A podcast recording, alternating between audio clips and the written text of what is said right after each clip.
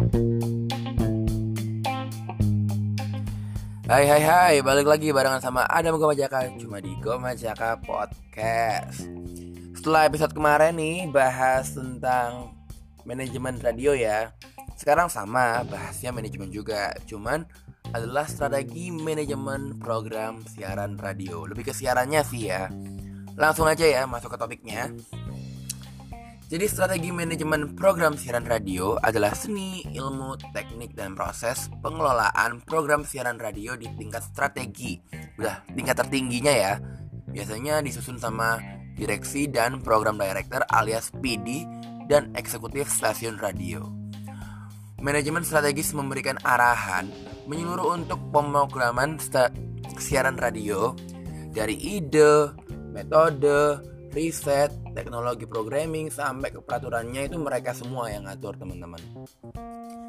Dan strategi manajemen radio ini diperlukan untuk radio dalam merencanakan bagaimana nih radio ini bisa maju, bagaimana nih program yang disiarkan bisa menarik, bagaimana nih programnya bisa menarik banyak pendengar dan terutama banyak banget yang ngiklanin di stasiun tersebut.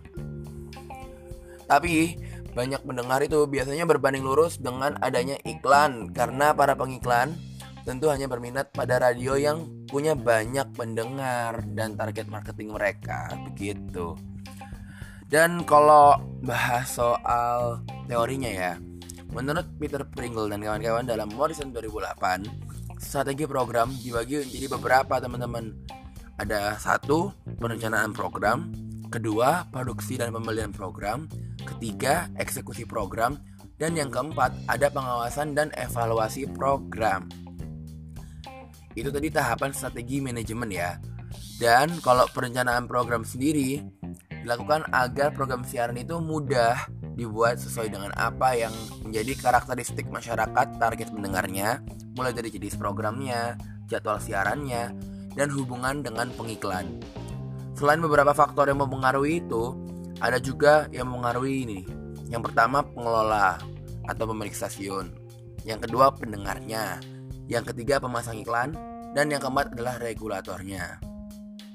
Perencanaan program siaran ini ya biasa ya berawal dari ide program yang diusulkan oleh berbagai pihak radio termasuk ownernya atau direksi atau produksi biasanya sih penyiar juga bisa pendengar juga bisa cuman lebih ke owner sama dewan direksi ya kalau ide program itu ya. Dan ide tersebut itu diutarakan kepada produser sehingga sama produser diolah lagi konsepnya ya kan? Dibentuk lagi biar matang lalu sampailah ke pembuatan proposal.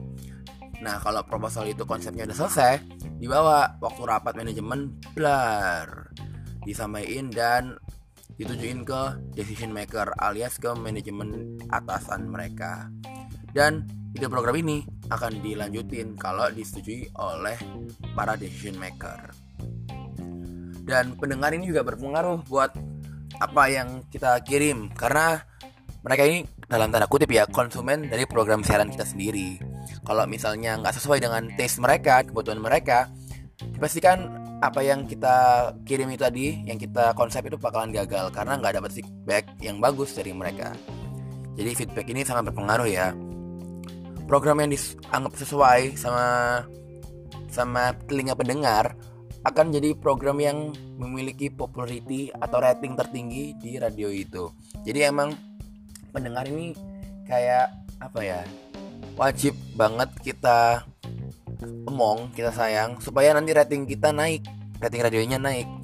Dan para pengiklan pun juga mempengaruhi perencanaan program terutama iklan-iklan besar yang biasanya nyewa blocking time ya jam siaran yang di waktu yang apa namanya yang siaran-siaran yang lagi hits ya kan? Jam-jam pulang kerja jam-jam pulang kantor itu bener-bener jadi tempat sasaran para pengiklan ya sehingga program khusus pengiklan tuh ada banget Terus regulator juga berpengaruh besar sama kayak pemilik radio.